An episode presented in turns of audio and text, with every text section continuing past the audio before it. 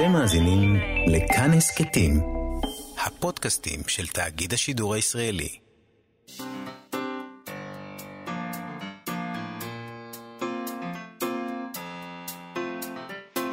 מה שכרוך עם יובל אביבי ומה יעשה לה. שלום, צהריים טובים, מאזינות ומאזינים, אנחנו מאיה סלע ויובל אביבי, במה שכרוך, מגזין הספרות היומי של כאן תרבות, ב-104.9 ו-105.3 FM.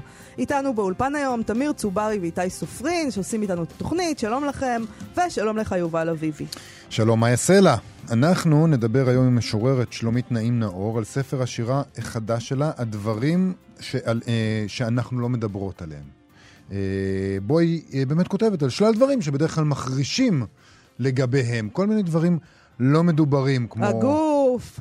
המשפחה, להיות אימא. כן. אה, יכול להיות אבל שכבר... הרווקות המאוחרת. קצת כן מדברים עליהם, על הדברים האלה. עדיין, יש כזה לא, מין... אני חושבת שעדיין יש דברים שלא מדברים עליהם. לא ככה. היא מדברת על זה בצורה מאוד... אה, היא מדברת על זה. היא כותבת על זה.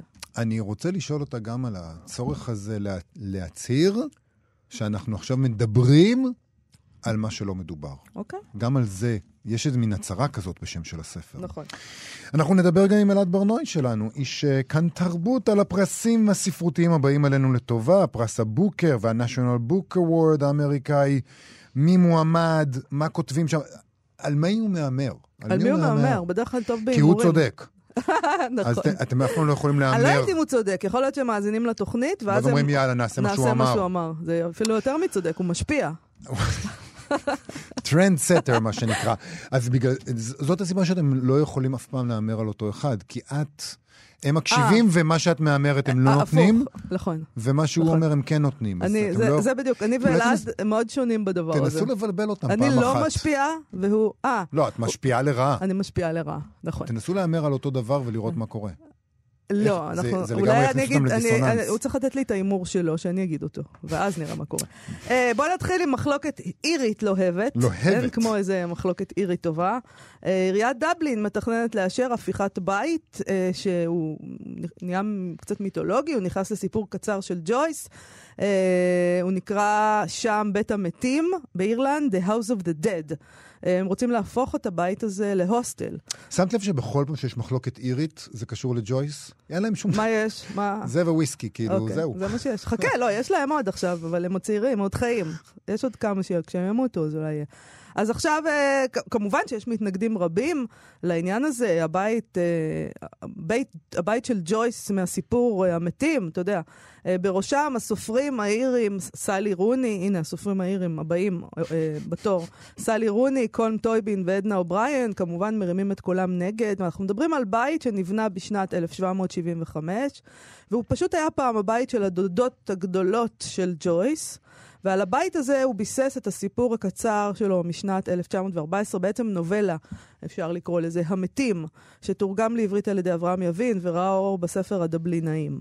כן, אז עיריית דבלין אה, ויתרה על האפשרות לקנות את הנכס בשנת 2017, ואז בשנת 2019 התפרסמו תוכניות לפיתוח הנכס לכדי הוסטל, 54 חדרים, וכמובן שהמהומה לא זה איחרה לבוא. בעצם בניין, זה בניין דירות כזה. כן, יש... אה, אה, לא בית, זה בניין. יש, אפשר לראות אותו, יש איזה אתר באינטרנט שאתה יכול לעשות אה, גוגל לכל מיני בתים מפורסמים בספרות, ויש צילום שלהם. אפשר אפילו פשוט להיכנס לגרדיאן שדיווח על הדבר הזה. ושם ול- גם יש ושם תהיה צילום. תמונה של זה. נכון. לא כזה מסובך. זה אפילו, זה לא איזה מין, אני, סתם בניין. סתם בניין, נכון. רד בריקס מה כזה. לעשות שהדודות שלו גרו בבניין הזה, כן. בדירה בבניין. אבל גם בסיפור המתים, זה כאילו, יש שם עניין כזה עם הבית והקומות, טוב, ו- תשמע. ונשף, ופה ושם, זה סתם בית. נכון.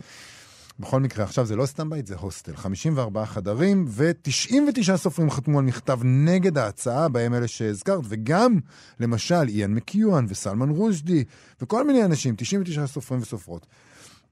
Uh, במכתב ההתנגדות הזה uh, כתבו שפיתוח מסוג זה הורס את אירלנד התרבותית ההיסטורית. וגם משרד התרבות האירי uh, הביע התנגדות לתוכנית, ואמרו שהתוכניות האלה מקטינות אתר תרבות בעל חשיבות אוניברסלית, מורשת תרבותית וכן הלאה וכן הלאה. וגם יש אה, מומחה, ב- מומחה בענייני ג'ויס אה, מהאוניברסיטה, אקדמאי, אמר ככה: דבלין יכולה לבנות איזה מלון שמתחשק לה, אבל אם היא תמשיך להתעלם ולהשמיד את המורשת התרבותית המיוחדת שלה, שזה ג'ויס, כן. וזהו, אה, היא תעלים את מה שנשאר מהלב של העיר ויישאר מעט מאוד למבקרים או לדבלינאים עצמם. נכון, ולמרות כל המחאות האלה, ביום שישי האחרון עיריית דבלין נתנה אישור לתוכניות, באומרם שבעוד שהבית הוא בעל חשיבות מיוחדת אולי, מצבו הנוכחי מדאיג, וההצעות לשיפוצו הן הדרך הטובה ביותר שמבטיחות את שימורו. כתב של האובזרבר, אגב, ביקר שם אה, בנובמבר האחרון, והוא כתב ככה על המקום: כל הבכי על הוונדליזם התרבותי, על המקדש הספרותי הגדול הזה שעומד ליפול, מתעלמים מהעובדה המלנכולית הבאה. הבניין כבר הרוס, כבר מתמוטט, קורבן של הזנחה בת מאה שנים, הגג שבור, הוא נהרס כמעט כולו בשריפה בשנות התשעים. בקיצור, כולם קצת מקשקשים פה. אה, אני לא יודעת מה מצבם הכלכלי של הסופרים האלה, אבל קראתי בזמנו שטרנטינו, למשל, הבמאי, אה, כשעמד להיסגר בית קולנוע קטן בשכונה שלו בלוס אנג'לס, הוא פשוט קנה אותו, אה, ואפשר לו להמשיך, כולל הבעלים הקודם שלו שיושב שם ומקרין סרטים. אז אתה יודע, המקום הזה נרכש. בסופו של דבר, היזמים שרכשו אותו ועכשיו רוצים לפתח אותו, תמורת 650 אלף אה, יורו. אם מישהו באירלנד היה רוצה, זה לא כל כך הרבה כסף, זה דירה קטנטנה בתל אביב, וגם, בסך אה, הכל. אולי משרד התרבות שלהם, האירי, שכל כך מתנגד לתוכנית, היה יכול להכניס יד לכיס. לא. יד לכיס, ואז לעשות את זה לאתר מה? מורשת. מה אתר מורשת? כי אין מה לעשות עם זה. מה, כל אה, ספר... אני חושבת שהדירה שבה גרו הדודות צריכה להפוך לחדר מיוחד בהוסטל, שיעלה יותר כסף פשוט להתגורר בו. אה, מזה צריך, לה, צריך להפיק את זה כ... ולקרוא לזה, נגיד... לקרוא הוסטל ג'ויס, ג'- או הוסטל המתים. המתים, בדיוק, שזה הוסטל מקום המתים. נהדר אה, להתארח בו, בהוסטל המתים. אני הייתי הולך לשם, היו אומרים, כן. היו אומרים, זה לגמרי קלאסי. תחשבי כמה אנשים שנגיד רוצים, סליחה, אני לא, לא מעודד, אבל נניח שאתה רוצה מקום אינטימי להתאבד בו. מקום אינטימי להתאבד בו. אתה הולך אוקיי, להוסטל המתים על סנט נעצור ג'ויס. פה. אה, בוא אה, נקרא איזה כן, אז אה, אה, קצת ברשותנו, מהנובלה. אה, הסיפור אמיתי מתוך אה, הספר דבלינאים, אה, שכאמור תרגם אה, יבין, ואברהם יבין, ויצא בהוצאת אה, עם עובד, וככה הסיפור הזה, הנובלה הזאת מתחילה. את לילי, בתו של השוער, הריצו ממש עד כלות הכוחות. עוד לא הספיקה להכניס אדון אחד אל החדרון הקטן שמאחורי המשרד בקומת הקרקע, ולעזור לו לפשוט את מעילו, וכבר צלצלה המצילה הצרחנית של דלת הכניסה, והיה עליה לשהות ולעבור את הפרוזדור הריק כדי לפתוח לעוד אורח. למזלה, לא הייתה צריכה לטפל גם בגברות. אבל מיס קייט ומיס ג'וליה חשבו על זה והפכו את חדר הרחצה שבקומה העליונה למלתחה לגברות. מיס קייט ומיס ג'וליה היו שם, מרכלות וצוחקות וטורחות, ניגשות זו אחר זו אל ראש המדרגות, שולחות מבטים למטה, מעבר למעקה וקוראות למטה אל לילי לשאול אותה, מי בא? מאורע גדול היה תמיד נשף המחולות השנתי של העלמות מורקן. השתתפו בו כל מי שהכירו אותן. בני המשפחה, ידידי משפחה ישנים, חברי המקהלה של ג'וליה, כל תלמיד מתלמידיה של קייט שהיה בוגר דיו, אפילו כמה מתלמידיה של מרי ג'יין. הוא אף פעם לא אכזב. שנים על שנים עלה יפה להפליא, מיום שזכרו אותו הבריות. מאז יצאו קייט וג'וליה לאחר מות אחיין פט, מן הבית בסטוני בטרו, והביאו את מרי ג'יין, אחייניתן היחידה, לגור איתן בבית הגבוה והקודר באשרס איילנד, שאת חלקו העליון שכרו ממר פולם, סוחר הדגנים שבקומת הקרקע. וזה המשפט. הבית הגדור, הגבוה והקודר באשרס איילנד. זה שכולם- זה. זה זה. על זה אנחנו על זה מרבים. אנחנו, זה 650 אלף ליורו, וזה שלכם, ותמנעו את התועבה הזאת להפוך אותו להוסטל. אתם מאזינים לכאן הסכתים, הפודקאסטים של תאגיד השידור הישראלי. כאן תרבות, אנחנו מה שכרוך, מגזין הספרות שלכם, מאיה סלע ויובל אביבי. וזה אה, היה בוב גלדוף. נכון, למי שטועה. נכון. תוהה. טועה, כן. טועה ומטעה. טועה ותוהה. כן.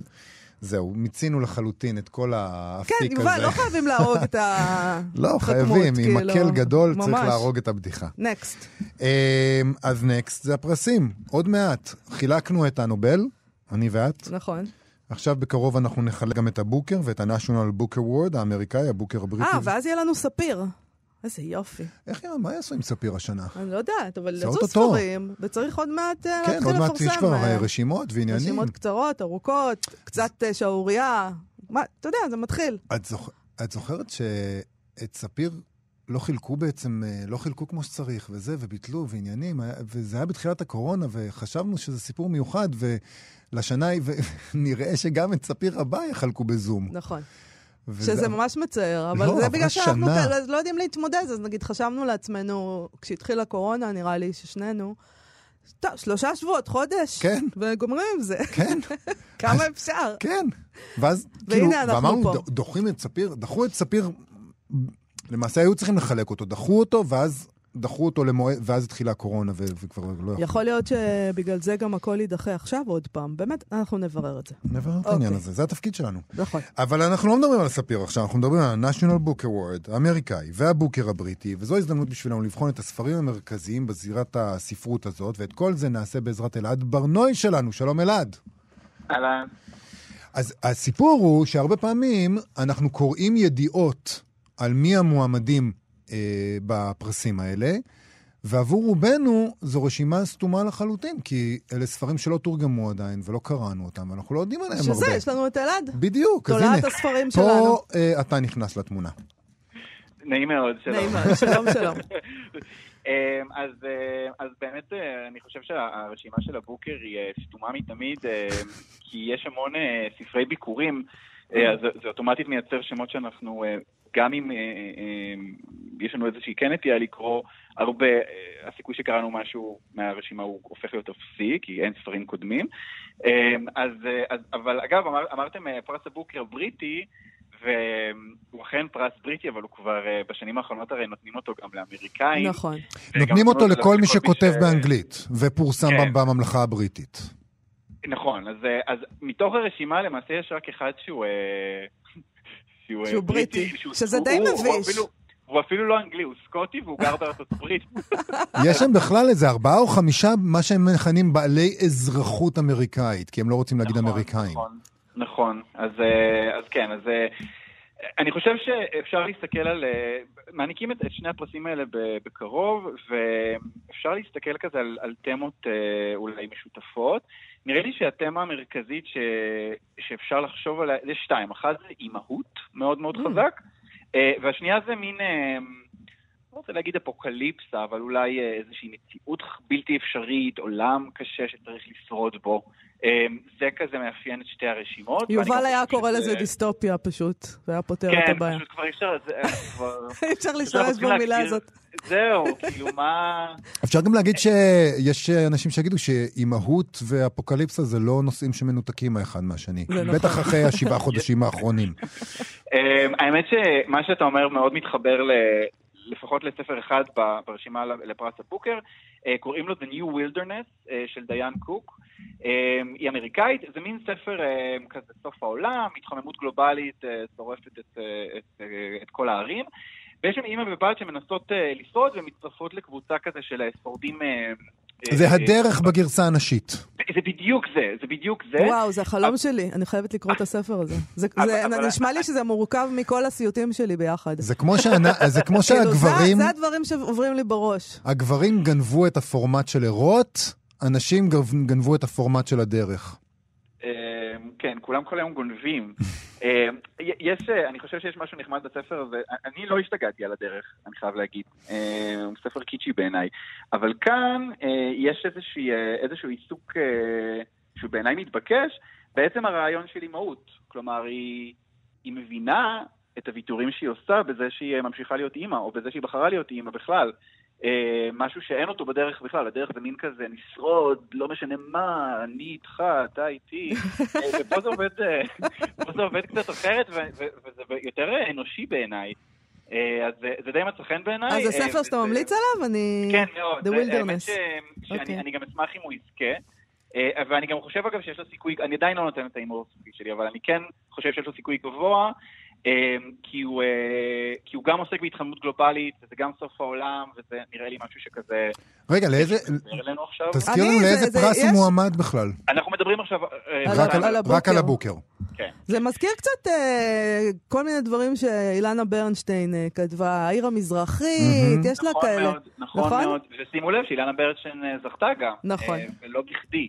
נכון. אז, מקרה קלאסי שבו ישראל מקדימה את העולם. נכון, ממש.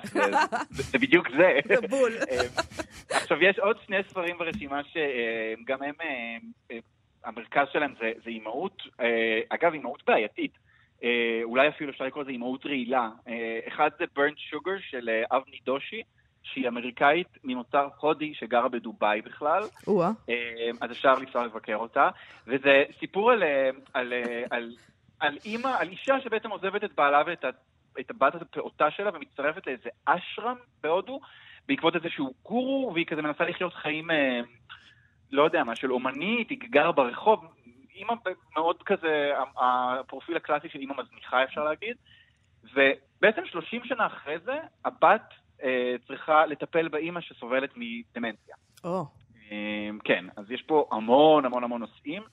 אה, אני לא חושב שיש לו הרבה סיכוי לזכות אה, למען האמת, זה ספר ביקורים. אה, אני מודה שלא סיימתי לקרוא אותו כי הוא ש- הוא שעמם אותי, אבל, אבל הוא מאוד מדובר, כלומר הוא כזה קיבל ביקורות מדהימות, וכן מהמרים עליו, אני לא חושב שהוא איזה וואו. אוקיי. אה, עכשיו, הספר הכי מדובר של השנה, הכי, שהוא מועמד אגב גם בשתי הרשימות, הוא של דאגלס סטוארט, ספר ביכורים, קוראים לו שגי ביין. אה, הרבה אנשים קוראים לו שוגי ביין, זו טעות. אה, עכשיו, הוא, אה, קודם כל, צריך להגיד, הוא יתורגם לעברית אה, בהוצאה של אה, שי סטנדיק, לסה, אני חושב, אומרים את זה. אה, כן, ובאמת, לסה. אה.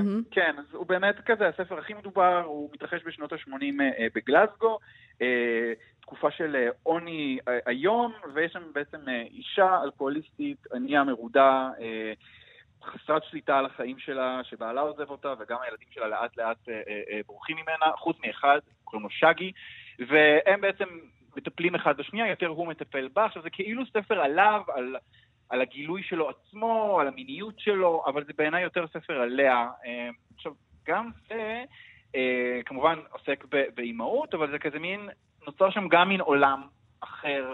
של עוני, אין שם כל כך חוקים לגבי גבולות, אין שם הגדרות, אז, אז גם הוא כאילו נכון לזמננו אפשר להגיד, אה, אז יכול להיות אה, שהוא כן יזכה. בעיניי מדובר בספר overrated, חייב להגיד, הוא יותר מדי. כותב כזה, וואו, איזה יפה אני כותב, וכזה עשיר נורא, וזה מעמיס כזה, זה ברוקי זה כזה. ספר אני- ביקורים. אגב, אני חושבת שזה אומר משהו, שיש כל כך הרבה ספרי ביקורים ב- כמועמדים לפרס, לפרסים האלה. כאילו, זה, יש פה איזו הבעת אי אמון מסוימת בסופרים הוותיקים, לא?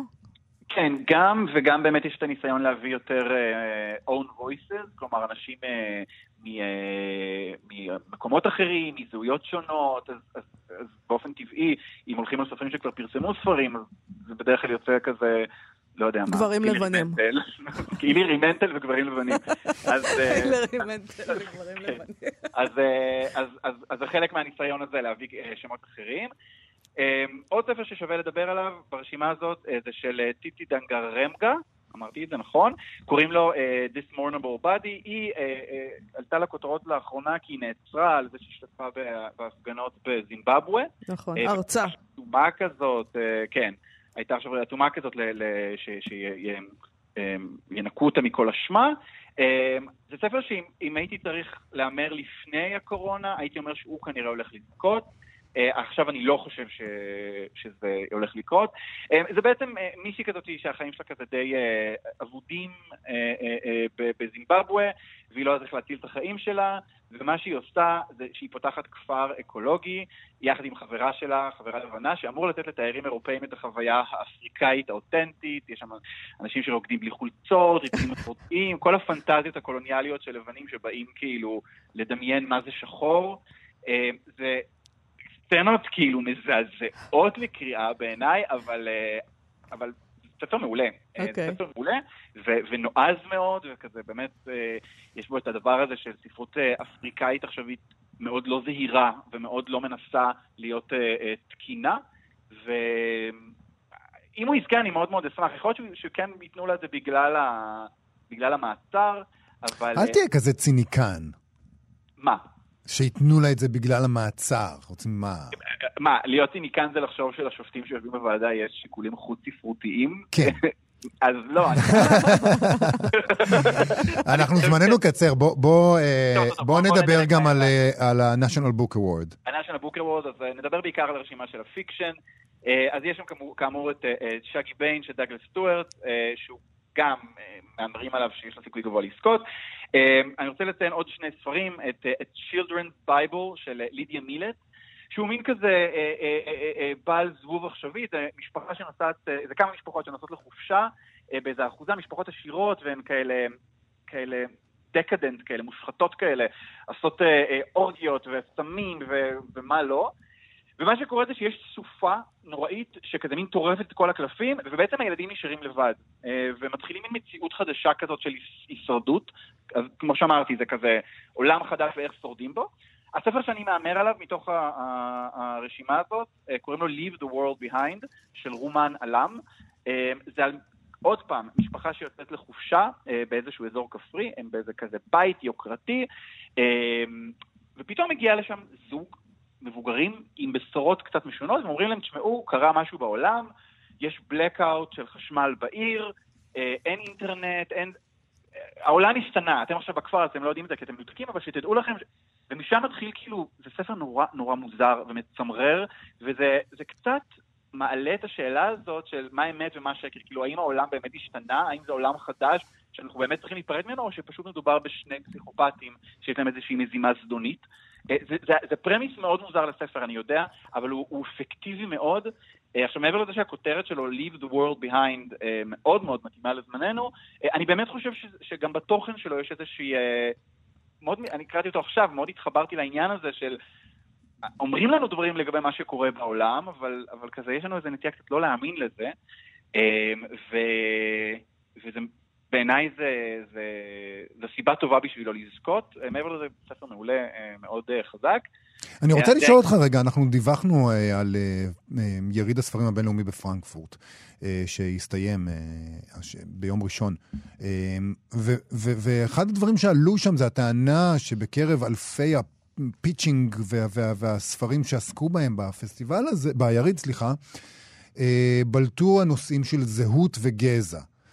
וזה הרגיש הכי 2019, כשקראנו את זה. זאת אומרת, עכשיו אתם מדברים על זהות וגזע בזמן שכולנו אחד, כולנו אותו דבר מול המגפה, מול הדיסטופיה, מול הדברים האלה, ויש תחושה שהרשימות שאתה מתאר... אגב, לא או- כולנו אחד. למשל, עניים נפגעים יותר מקורונה. אז ברור, אני. אני מקווה שהטון ה... אני כן ציניקן, אז אני מקווה שהטון הציני לא... לזכור, גם צריך לזכור ש...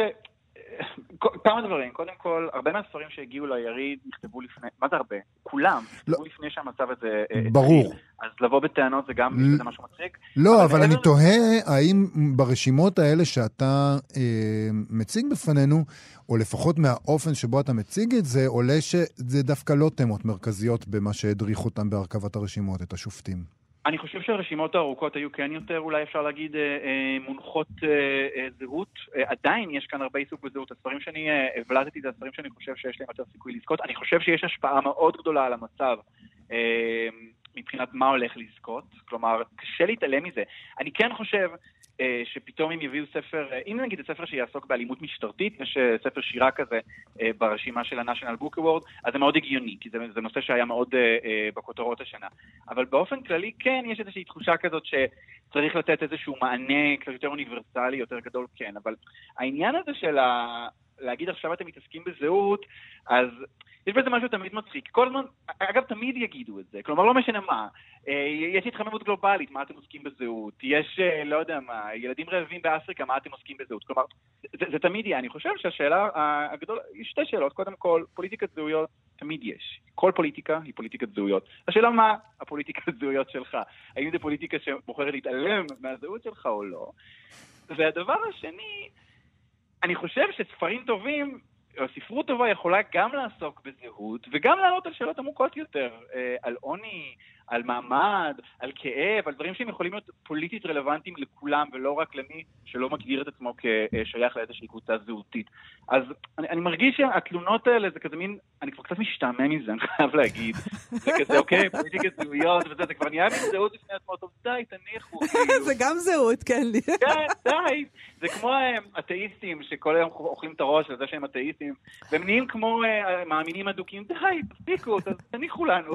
בסדר, אתם יכולים לא להאמין, הכל בסדר, אבל כשמישהו הופך להיות מטיפני באיזשהו אה, אה, באיזשהו כיוון, שהופך להיות משיחי, אז אני אני מאבד הקש- אה, קשב, אין לי יותר סבלנות לזה. אז אני קצת מרגיש ככה לגבי זה. אז בוא נעשה לסיום, אה, אתה חייב להמר, אין מה לעשות. כן, אוקיי. יאללה, הימורים. אז uh, מתוך הבוקר אני מהמר, זה הימור אגב באמת הכי לא הגיוני והכי מסוכן, בכל זאת אני הולך על זה. Uh, The New Wilderness של דיין קוק, על האימא והבת נגד כל הסיכויים. כן. Uh, אני uh, מהמר עליו, אני שוב חושב שהסיכויים שלו מאוד נמוכים, ועדיין אני מהמר עליו. Uh, ומתוך ה-National Book Award, uh, אני מהמר על Leave the World Behind של רומן עלם. זה שאני לא מהמר על שגי ביין זה כאילו ממש לראות לעצמי ברגל, הוא יש לו סיכויים מאוד גבוהים, ואני עדיין אמיץ כל כך. כל הכבוד לך על האומץ. אלעד ברנועי. אנחנו נבחן את התוצאות כן, בקרוב ברור. ונדווח על העניין. וזה יעלה לך, זה יעלה לך. תודה רבה, אלעד ברנועי. תודה רבה. להתראות.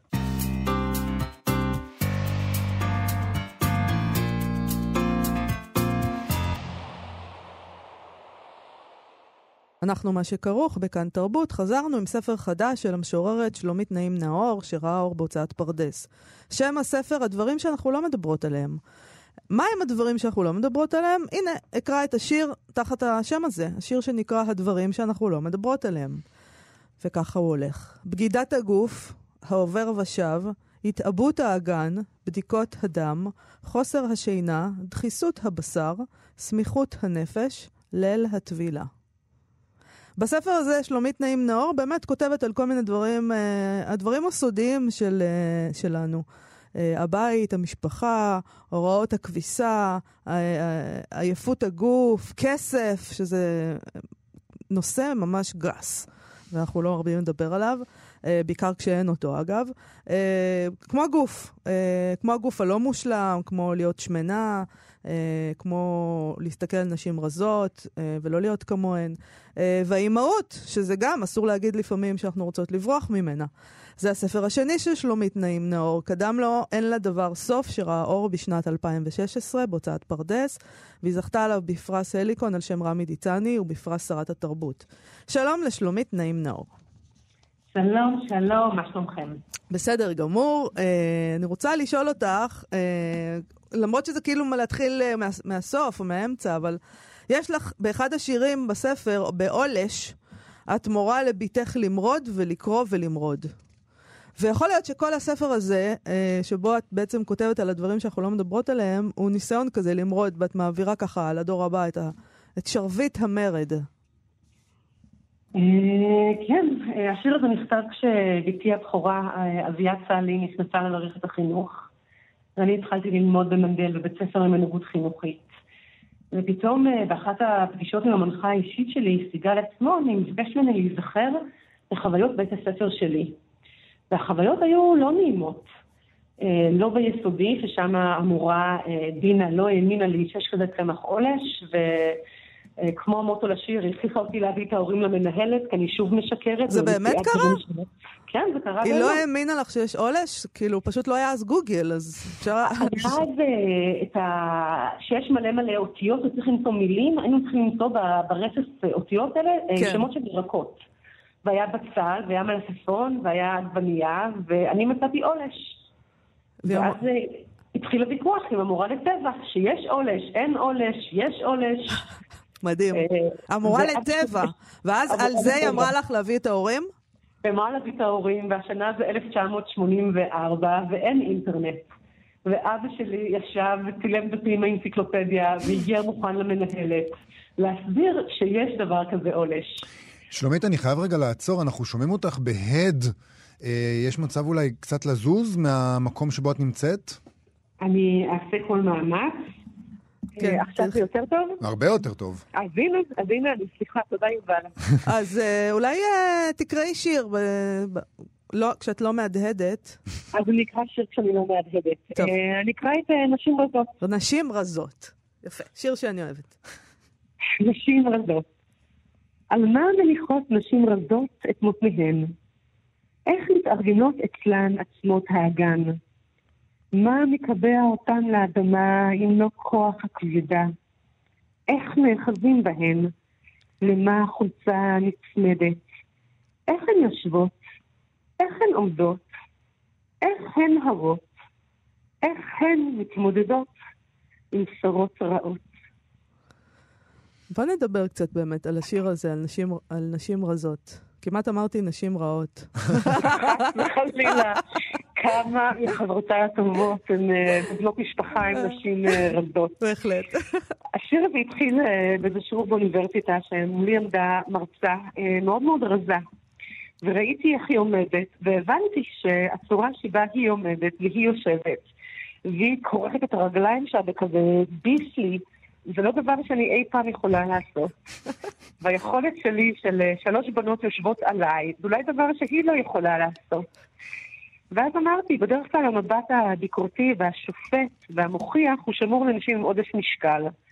בואו לרגע נאמץ את המבט הזה כלפי נשים שהן רזות, שאיך אז זה בכלל לא... זה בכלל לא מבט של קנאה, את אומרת, זה מבט של... אה, אתן, אתן התנשאות, מפספסות התנשאות משהו קצת. בנשיות, באימהות, כשאתן כל כך רזות. כן, איך זה, איך זה עובד אצלכם? אני זוכרת, הייתי, גרתי שלוש שנים בלונדון, והייתי רשומה לחדר כושר, כלומר שילמתי כדי לא להתעמל, והייתי מגיעה לשם, והייתי רואה נשים בלי מותניים. וזה נורא עניין אותי, כאילו, איך את מסתדרת עם מכנסיים, חולצה, בג... כשאין לך מותניים, ש... ואז נשים רזות, כאילו, איך אתן מתיישבות אם אין לכם את הזווית של האגן על הכיסא? איך, איך שמים את זה שלוש, שלושה, ארבעה ילדים? כאילו, איך, איך אתן... איך אתן מתנהלות בחיים אם שום דבר לא מושך אתכן למטה? אבל יש בזה משהו, אה, משהו אוניברסלי נגיד, כי, כי, כי בגדול הזולת הוא חידה. וכשאתה קורא את, ה, את הפרשנות, זה בעצם את הפרשנות הזאת לשיר, אתה אומר, כל פעם שאתה מסתכל על מישהו אחר, אתה אומר לעצמך, אני לא... איך הוא חי? איך הוא חי? איך יכול להיות שיש לו קיום בכלל? זה קורה לי כל הזמן עם יובל, איך הוא חי? מה זה? במקרה שלי זה- לא, זה לא עובד כל כך טוב, אז אין אה, זה. אבל אה, אנשים אחרים מתנהלים ממש אחלה, ואתה אומר, איך, איך, איך זה עובד? לגמרי. אני, כן, כאילו, מה... ספרו לי, כאילו, איך... וגם באמת, איך מתמודדות, ופה אני לא צינית. המנגנון שלי, של להתמודד עם הרבה דברים קשים, זה, זה אכילת יתר. עכשיו, שמעתי שיש נשים שהן בדיכאון הן לא אוכלות, אבל איך? כאילו, מה? אתן עושות אוריגמי? לא, הן עושות? חלקן כאילו, עושות ספורט. ספורט, הן מתמכרות מאוד לספורט, עוזר, שלומית. פספסתי, זה פספסתי. אני רוצה הקטע לשאול אותך רגע. משהו על שם כן. הספר ועל השיר שמאיה הקריאה. ומקודם ככה תהיתי לעצמי על המימד ההצהרתי הזה, לדבר על מה שאנחנו לא מדברים, מדברות, סליחה, עליו. זאת אומרת, את, אה, אה, בעצם יש סתירה בספר, או בשיר. את כן מדברת על מה שאסור לדבר עליו, או על מה שנמנעים מלדבר עליו, ויש פה איזה משהו אה, הצהרתי, אולי אפילו מתריס, אני מדברת. אני חושבת שזה התפקיד של, אה, של שירה ושל תרבות, זה לערער על הנורמות.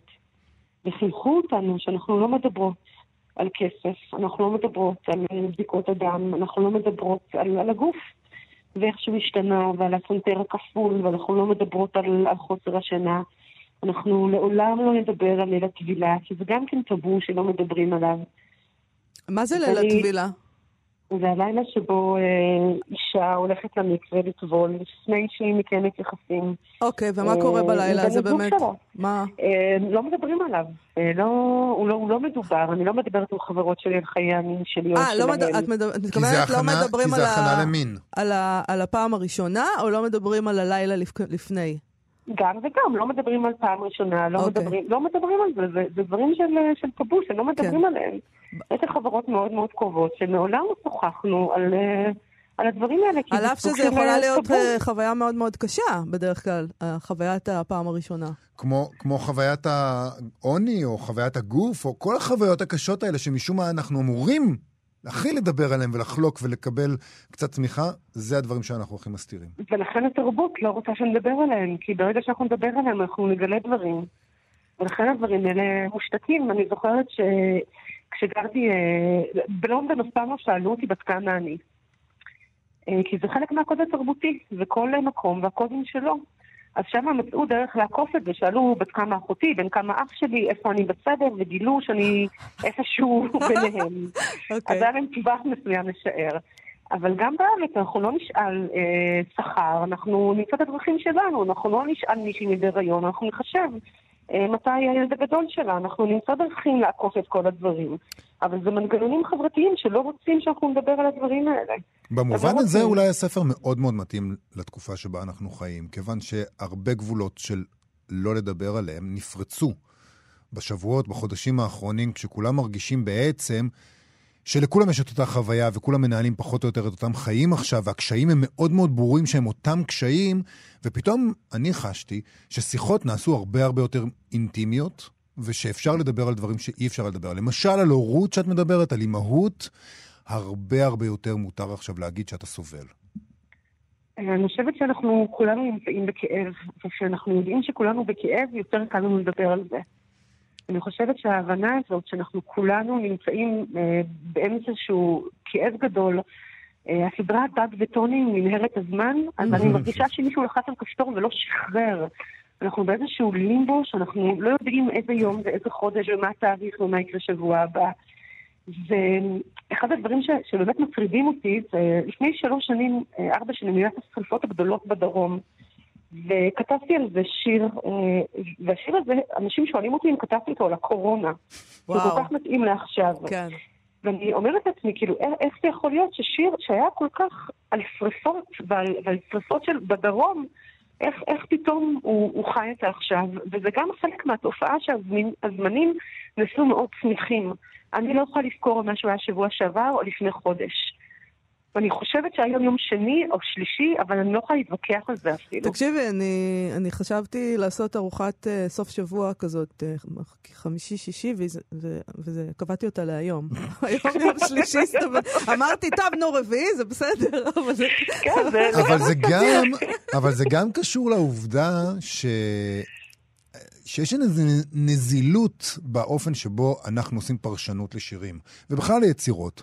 זה תמיד תמיד מנקודת ההשקפה שלנו, וזה תמיד תמיד, וצריך מאוד להיזהר מזה, למה? כי... למה כי... צריך להיזהר מזה? כי הרבה פעמים אתה מפרש שיר בצורה שתואמת מאוד מאוד להלך הרוח האישי שלך, והוא, וזה בסדר, זה לא אסור, אבל, לא, אבל לפעמים אתה ככה אונס את השיר שנכתב על שרפות, ככה שהפרשנות תתאים למה? לקורונה. אני, השיר שהיא כתבה, שלומית, ברגע שאני קוראת אותו, מבחינתי הוא שלי, ולא אכפת לי על מה היא כתבה. כלומר, אני אשמח לשמוע, אבל זה לא משנה לי. בדיוק אה, העברתי על זה סדנה אה, למורים של הספרייה הלאומית. והשאלה הזאת, עד כמה הידיעה של הביוגרפיה שלו מחברת, חשובה להבנת השיר, היא סוגיה נהדרת. שאני מכירה אותה מ- מלימודי תלמוד. האם כשאני קוראת סוגיה בתלמוד, אני, אני קודם כל מדברת עליי ואיך זה מתחבר על, אה, לחיים שלי, או שאני מנסה להבין מה קרה בסוגיה, אני מנסה להבין מה קרה בשיר, ובשלב שני, אני מנסה להבין איך זה קשור אליי.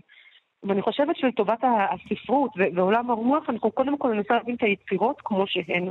לכל יצירה יש קביים שלה, זה סמלים או חריזה או מצלול, ולראות אם זה עובד, ואז מה זה אומר לי.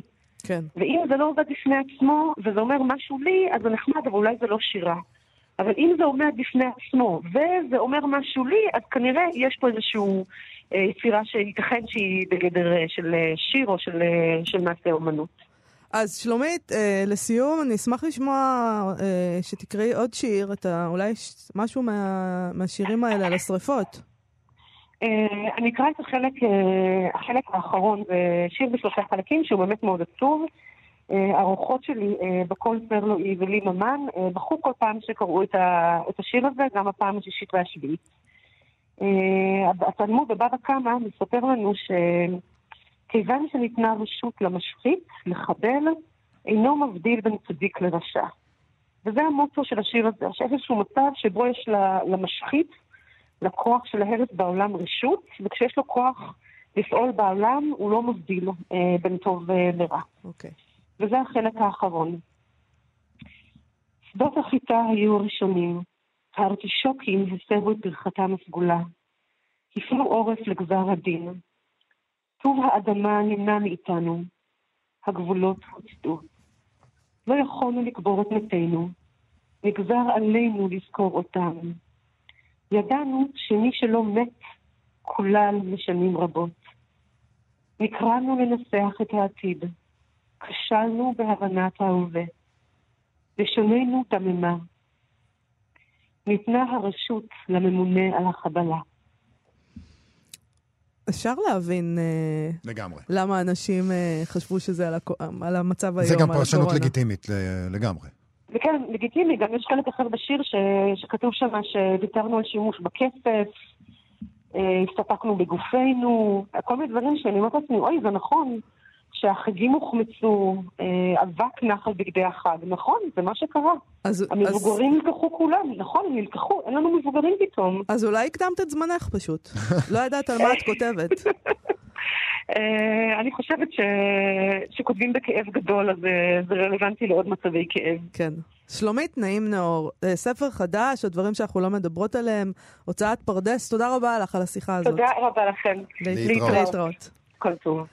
טוב, אנחנו מה מ- לסיום? אנחנו חייבים אה, להזדרז, משהו? אה, ואנחנו אה, לסיום נעשה סטטוס ספרותי, נקרא יאללה. סטטוס ספרותי. בשבוע טוב. שעבר התקיימה סדנה להיכרות עם כלים לכתיבת פוסטים ספרותיים ודיון על יצירת שיח ספרותי מקוון. זה קרה, זה מין יוזמה של פרויקט בן יהודה. בעצם איך לכתוב אה, ספרות ועל ספרות באינטרנט. זה הדיון. בין המשתתפים בין השאר הייתה גם הסופרת והמשוררת דוקטור מאיה טבת דיין, ולקראת האירוע היא כתבה סטטוס אה, בפייסבוק שעוסק בכתיבה בפייסבוק. זה היה כמובן עד עכשיו? כן. הרגשתי שאני בתוך המערבולת הזאת של, אה, של המסע בזמן. וזה דיון מעניין. לא ידעתי שצריך כלי מיוחד, אפשר פשוט להקליד ולכתוב, לא? אז זה יותר... כותבים פשוט. אז זה יותר מורכב. אוקיי, מזה. אז בבקשה. והנה היא פותחת את הסוגיה. ככה היא כותבת. כשרק התחלתי לפרסם שירים בפייסבוק לפני כמעט שמונה שנים, פנו אליי כל מיני אנשי ספרות והזהירו אותי שהמדיום הזה לא מכבד. אלה היו שירים לאימא שלי, בגוף שני. היא מתה ומשהו גרם לי להעלות אותם דווקא לפה. משהו חייתי כמעט. אולי בסתר ליבי קיוויתי שהמדיום החמקני הזה יוכל לקשר בינינו לבין המתים. ביני לבינה? אולי. מהר מאוד התחיל הקהל שלי לגדול. אנשי הספרות שהתעניינו בי וביצירה שלי, כתבו לי בפרטי שכדאי שאפסיק להעלות את השירים האלה לפייסבוק, כי זה מוריד מהיוקרה שלי. עורכת בכירה מאוד כתבה לי שזה פשוט נראה לא טוב. זה יחסל כל סיכוי שלי לקריירה ספרותית. האמת, לימדתי אז באקדמיה. הייתי דוקטורית צעירה, עטורת מלגות והצלחות. פרסמתי ספר פרוזה אחד שמכר המון וזכה להרבה מאוד ביקורות וכתבות. זה היה מפחיד לקבל מכתב כזה מעורכת בכירה. אבל כשהקשבתי לעצמי, התקשיתי לקנות את הסיפור הזה. תמיד אני מתקשה לקנות גבהות מצח, וגם פה לא אהבתי את ההתנשאות של אנשי הספר על הרשת החברתית. אני האמנתי במילה הכתובה בכל מדיום, במילה הכתובה הטובה, ולעורר השראה אצל אנשים. אז המשכתי לפרסם בפייסבוק, והקהל שלי גדל, ואהבתי את הקהל שלי והתייחסתי אליו. אנשים כתבו לי את הסיפורים שלהם בפרטי, גם הם התייתמו, או עברו משברים, והלב שלי נשבר על כל אחד ואחת מהן. לא היה מצב שלא עניתי למישהו שכתב לי, בתגובה או בפרטי, גם אם היה לילה, גם אם ילדתי, גם אם הייתי בהודו, לא היה מצב. והיא ממשיכה וכותבת, ואז מישהו נוסף מעולם הספרות כתב לי שאני אצטרך לבחור האם להיות משוררת נחשבת או משוררת שאהובה על הקהל. אני זוכרת ששאלתי אותו אם בהכרח יש סתירה בין השניים, כי יש כמה משוררים מאוד נחשבים שאני מאוד אוהבת כקהל, מאוד מאוד. הוא אמר שהמשוררים האלה לא פרסמו ברשת, אז שאני לא אשווה. כתבתי לו שאני מאמינה שהשירה שלי טובה ושאני בוחרת בקהל. מבחינתו זו הייתה בחירה ממש מגונה, הוא הציע לי לחשוב על זה שוב. ואתם יודעים מה? הקהל שלי גדל, והיו בו כל מיני קוראים וקוראות, מנהלי ספריות, מרצים מהחוגים לספרות, מו"לים ומתרגמות לכל מיני שפות, ומורים לספרות, ועורכות, ועיתונאים, ואנשי טלוויזיה, וגם אחים, ורופאות, וגננים, ונשות עסקים. כי מה שהאיש ההוא לא הבין זה שהקהל אינו שם גנאי. קהל הם אנשים, הקהל יודע למצוא את דרכו לתכנים שמעניינים אותו. והקהל שאני מעניינת אותו הגיע ומגיע בדיוק אליי. אנשים צמאי מילים וסיפורים והשראה וגם אהבה. קרו לי המון מפגשים וניסים בזכות הקהל שלי. המון פרסומים בארץ ובחו"ל, הרצאות, הזמנות, תרגומים לשפות ומה לא. והקהל הזה הזמין אותי, ועודו מזמין אותי מדי יום לשלל דברים מדי יום. ומה שמתרחש זו המהות של יצירה בעיניי, דיאלוג של השראה. ואנשי הספרות שניסו לחנך אותי שהדרך שלי לא נכונה, כבר לא כותבים לי בנושא הזה יותר. ההפך, הם התחילו לפרסם בעצמם ברשת. ואני שמחה בשבילם, כי אחרת אנשים לא ידעו עליהם וכמה הם חכמים ומעולים. כי אני מאמינה שאם אתה מעולה, שום מדיה לא יכולה להוריד מהמעולות שלך. אבל התנשאות וגבהות מצח עלולות לגרום לכך שהיצירה שלך לא תגיע לאנשים, וזה כבר ממש חבל. טוב, זה באמת נראה לי שזה זה דיון טוב, אבל... אה, אבל נראה לי שזה פשוט נורא אינטואיטיבי עבורנו עכשיו, לא? ברור שמפרסמים ברשתות החברתיות. כן, אבל מה... היה רגע כזה, והיא כותבת על הרגע נכון, הזה. זה היה לפני נכון. שמונה שנים. לא, לא, לא, לא, לא לפני שמונה. גם לפני פחות. שנתיים, נכון. אה, היה רגע כזה שהייתה מחשבה שכשאתה מפרסם אה, שם, אז אה, התייחסו אליך פחות ברצינות. אה, היה רגע כזה שלא הבנו את העולם הזה. וגם זה היה עניין... וזה באמת היה לא, נחשב לא מכובד, כאילו, זה לא... וזה לא... גם היה מין קטע כזה שאתה מפרסם את הדברים שלך בחינם. זה בלי כסף. אפשר לא, לחשוב כמה משוררים- כסף יש משוררים בספרי תמיד שירה. מפרסמים כן. בחינם, זה, זה זה לא נכון. העניין. זה פשוט אה, נראה כאילו לא רציני ובאמת לא מכובד, ופתאום אה, הסתבר שכל העניין, מה מכובד בזה שאתה מוציא ספר במימון עצמי? זה גם לא מכובד שההוצאה לא שמה עליך כסף. הכל כבר נהיה לא מכובד. יש פה עוד טענה מובלעת שהיא יותר אולי הרסנית מזה, שאתה חושב על הקהל שלך, וזה שאלת ההתקבלות. נכון. ושהתגובה ברשתות החברתיות היא מאוד מהירה, והיא מאוד נוכחת, והיא הרי אומרת, אני עונה לכולם, אני רואה את מה הם כותבים כשאתה מפרסם ספר ממכר. שירה, וזה ממכר, וזה משפיע על השירים הבאים נכון. שתכתוב. אולי זאת הבעיה יותר גדולה. וזאת בעיה. כשאומרים, אתה חושב על הקהל יותר מדי, אז הטענה היא שאתה כותב בשבילו. בצורה מסוימת, נכון. בגלל אתה הקהל. קצת מתחנף אליו, אתה קצת... אה, אתה כותב כן. רק על נושאים שמעניינים, אתה עושה את זה טיפה יותר פופולרי. וזה, ו, וזה משחק מסוכן, אבל אין שום ברירה לדעתי היום. כותבים ברשתות יש, יש החברתיות. ברירה, ואפשר לא להיות שם. לא, ו... ברשתות החברתיות אה, רובנו נמצאים. יש משהו מיושן בלחשוב שאם אתה מפרסם ברשת החברתית, אז זה לא מכובד וזה לא... כן. זה, זה כבר, זה מיושן לחשוב ככה, אבל חשבנו ככה, זה נכון. נכון, עבר לנו. עבר לנו. אה, טוב, אנחנו צריכים לסיים, אין ברירה. נכון. בוא נגיד תודה לתמיר צוברי החד פעמי ולאיתי סופרין, שגם הוא די חד פעמי, שעשו איתנו את התוכנית היום. אתם אה, מוזמנים ומוזמנות לעמוד הפייסבוק של מה שכרוך עם יובל אביבי ומאיה סלע, וגם לעמוד הפייסבוק של כאן תרבות. אחרינו, המעבדה עם גיל מרקוביץ'. אנחנו נהיה פה שוב מחר. להתראות. להתראות.